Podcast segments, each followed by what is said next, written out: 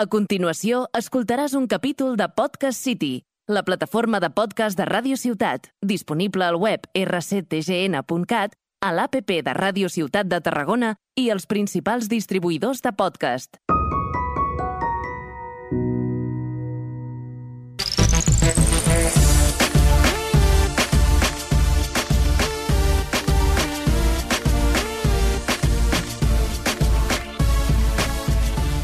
Benvi Benvinguts a la segona edició del podcast Converses amb Jove Cambra. Soc Paula Sánchez, vicepresidenta de la JCI Tarragona, i en aquest nou episodi parlarem sobre l'emprenedoria amb la col·laboració de la jove emprenedora Luciata Ribas, propietària del local Zas Ceràmics a Salou i, com no, de la mà de la nostra júnior i bon sentís. Bona tarda, Paula. Mira, ara que dius això d'emprendedoria, justament avui he vist pel carrer xiquetes i xiquets que venien estos tiquets que es venen per Nadal i m'ha vingut a la ment un flashback de quan també em vaig veure en aquesta situació anys atrás per aquestes dates quan anava a l'institut per pagar el viatge de fi de curs i després se sortejava una panera per als que havien comprat estos tickets. Suposo que tu també ho vas tindre que fer, no? Doncs ara que ho dius, sí, i moltes, eh? O sigui, jo vaig arribar a aprendre a fer de diferents tipus de pulseres, per exemple, no? Fins i tot amb... Bueno, no sé com se diu, però la llauna, allò que per obrir-la, amb això. Sigui, que imagina't. I la veritat que era com si fos un negoci, o sigui, algo tan simple es va convertir no, en una manera de recaptar diners. A més de dir que les meves companyes de classe també me'n compraven i no només, o sigui, era família, coneguts de mons pares. O sigui, ojo al nivell, eh? I això només a la primària. Emprendedores des de petites podríem dir que érem. Però imagina't que fer pulseres hagués anat més enllà, que haguéssim continuat fins al punt d'haver acabat sent artesanes. Poca broma, eh? Sí, sí, jo de vegades ho penso i, no?, què hagués passat? Perquè per a mi era com una espècie de hobby que m'encantava. A més, sempre he estat molt lligada amb el món de l'art i les manualitats, però no, sembla que a medida que van passant els anys i es vas, no, et vas fent més gran, no, entre cometes, com que aquest tipus d'activitats les vas deixant no? I si tu pares a reflexionar, si tot té a veure amb la idea imposada de que les pràctiques artístiques no? com que no serveixen o no, són una, o sigui, no és una cosa amb la que t'has de guanyar la vida. Exacte. A mi, per exemple, sempre m'ha agradat dibuixar i se'm donava bastant bé i hi havia moltes persones que me diuen que per què no em dedicaven a això. Però no sé, suposo que al ser per a mi un hobby i no sabia que, sabia que havia persones que dibuixaven molt millor i se dedicaven professionalment a això, Mai vaig pensar que podria ser una sortida per a mi i ara ja fa molt temps que no dibuixo i sé que si em posés no se'm donaria tan bé. És trist tindre aquesta mentalitat de que hi ha carreres que són la bona opció, però d'altres que no, per poder no poder subsistir gràcies a la teva creativitat. La Lucia Terribes, respecte a aquest tema, dona rellevància al fet de seguir els teus somnis, d'arriscar-se perquè saps que et fa feliç, que això és el que hauríem de fer tots al final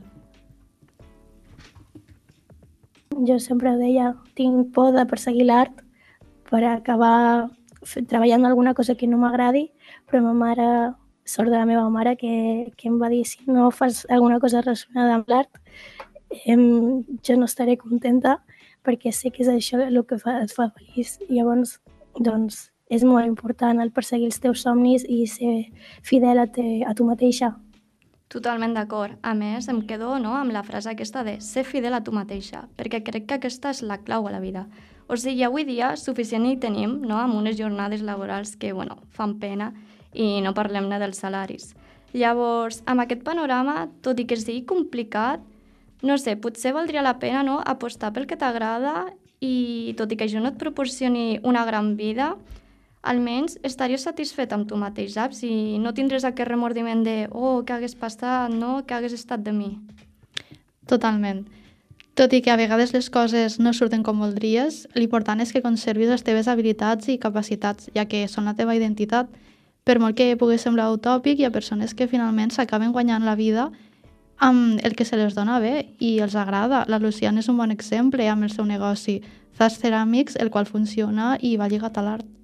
I, per exemple, sigui la gent que no té massa idea d'emprenedoria no? i que vulgui introduir-se en aquest món, o sigui, com es comença? Quines pautes ha de seguir? Doncs Terribas, en aquest cas, ens explica que ella va començar a planejar el seu negoci pel seu compte i que prèviament havia estat investigant si aquest tipus de locals cridaven l'atenció entre la població. Quan vas al banc et demanen un estudi, no? Doncs vaig fer-ho tot per la meva compte, vaig buscar la informació, vaig fer pressupostos, el pla de negoci i, i se'l vaig presentar a la meva mare i em va dir doncs sí, molt bé, eh, que això pot funcionar, tens raó, i si t'agrada, doncs tirem cap endavant. Altres aspectes que s'han de tindre en compte són els diners. Al cap i a la fi, crear un negoci des de zero és una cosa complexa i més quan ets jove. Mira, just anava a preguntar per això mateix. Entenc que finançar un local no és precisament un camí de roses, no? I com comentàvem a l'anterior podcast, tot i que el teu projecte surti al final, o sigui, no depèn de tu, sinó d'altres factors, no? tot i que la idea sigui bona. L'emprenedora Lucía Terribas ens alerta no? d'aquests problemes amb què es troba la jovent emprenedor a l'hora de buscar finançament. Trobar la financiació adequada no és fàcil. Si no la tens ja de casa, és molt complicat i més sent jove perquè els bancs no et donen els, mm, els crèdits així fàcilment, menys si has treballat als estius i no tens res més. D'altra banda, també és molt important tindre algú al teu costat no? que sàpigui guiar-te. Com mencionàvem, ser jove porta traves en aspectes econòmics, però alhora també som un blanc fàcil no? per qui vulgui enganyar-nos. Ningú ens prepara per saber llegir o entendre contractes i crec que és molt important no? que sempre abans de firmar res estigui algú allà amb tu que s'informi molt, que vagi a totes les reunions possibles. Jo soc una persona molt tímida i feia molta cosa anar, però és necessari informar-te i que tothom t'orienti perquè eh, és molt difícil si no hi ha algú que t'està guiant pas per pas, sobretot en els tràmits, ajudes, t'has d'informar. Aquestes han sigut les claus que la Lucía no, ens ha donat no? sobre que a l'hora d'emprendre t'has d'informar molt bé de tot el que pugui passar. El local de Zas Ceràmics es troba a Salou. Creus que és un bon lloc per emprendre? Doncs molt bona pregunta, Ivonne. Mira, jo vaig fer com la, Luz, com la Lucía, o sigui, la meva primera experiència d'anar a un local a pintar ceràmica també va ser a Barcelona i crec que, bueno, que totes i tots ens passa una mica el mateix, no? De pensar de, jo, ojalà algo així a on visc. I, bueno, és que la Lucía ho ha fet, o sigui, a mi la veritat és que m'encanta poder tindre l'oportunitat de veure aquestes experiències a prop de casa meva. Podríem dir que aquests tipus de negocis s'han fet molt famosos o virals en les grans ciutats i, per tant, sembla que només puguin funcionar allà. Exacte, vull dir, per què no apostar per integrar aquests tipus de negocis en, en ciutats més petites? El cas de Saló, vull dir, tothom ho coneix perquè la festa i tal, però crec que al ser una zona de platja pot aportar molt més no? i aprofitar, aprofitar aquest encant per la seva ciutadania. Terribas exposa perquè va pensar que Salou era l'indret ideal per a obrir el seu establiment. Salou és un bon lloc, té molt flux de gent, hi ha molta gent en segona residència que van i venen i doncs pot ser una bona opció. Al final es confia. Si tu hi creus que el lloc on ho vols fer té potencial i que a sobre la teva idea es pot adaptar bé i créixer, pues avant. Mira, ara te faré jo una pregunta. Tu creus en els presentiments? Perquè m'estàs dient que s'ha de confiar, però realment estem parlant, per dir-ho d'alguna manera, d'una fe cega, no? que fins que no te la jugues no pots saber si allò funciona. Jo sí. Al final, quan tu has estudiat tot mil vegades per a no cometre cap error, has de confiar en tu i acabar la feina feta. Crec que ningú s'esforça Sí, pensa que el resultat no serà bo i això és perquè tens aquesta corazonada. La Lucía també opina que és important fer cas als pressentiments quan es vol obrir un local. Sempre perseguir la teva idea, perquè si tu, jo crec que si tens un presentiment de que alguna cosa pot funcionar-te, ho has de fer. Si tens l'oportunitat, que no tothom la pot tindre. Mira, jo reconec que també, o sigui, crec en els pressentiments no? i també en la llei aquesta d'atracció.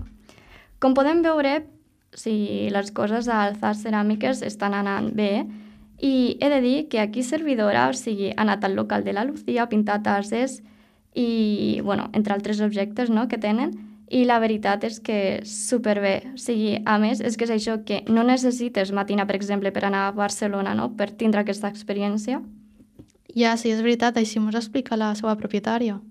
es nota el canvi de temporada, Salou, que som un nou comerç, però estic molt contenta tot va bé, l'Ajuntament s'ha posat en contacte amb nosaltres per fer tallers. La veritat que el boca a boca està funcionant superbé i ha tingut molt bona acollida i a tothom li agrada, tothom repeteix. Eh, me n'alegro moltíssim no? que li estigui anant superbé a la Lucía no? i fins i tot que el propi Ajuntament s'estigui involucrant. Per a mi els negocis així sempre són benvinguts i, bueno, què dir-te, Ivon? Ja tenim places per a desestressar-nos. ja vaig anar fent reserva. I fins aquí l'episodi d'avui. Adeu, adeu, adeu. Això ha estat Converses amb Jove Cambra.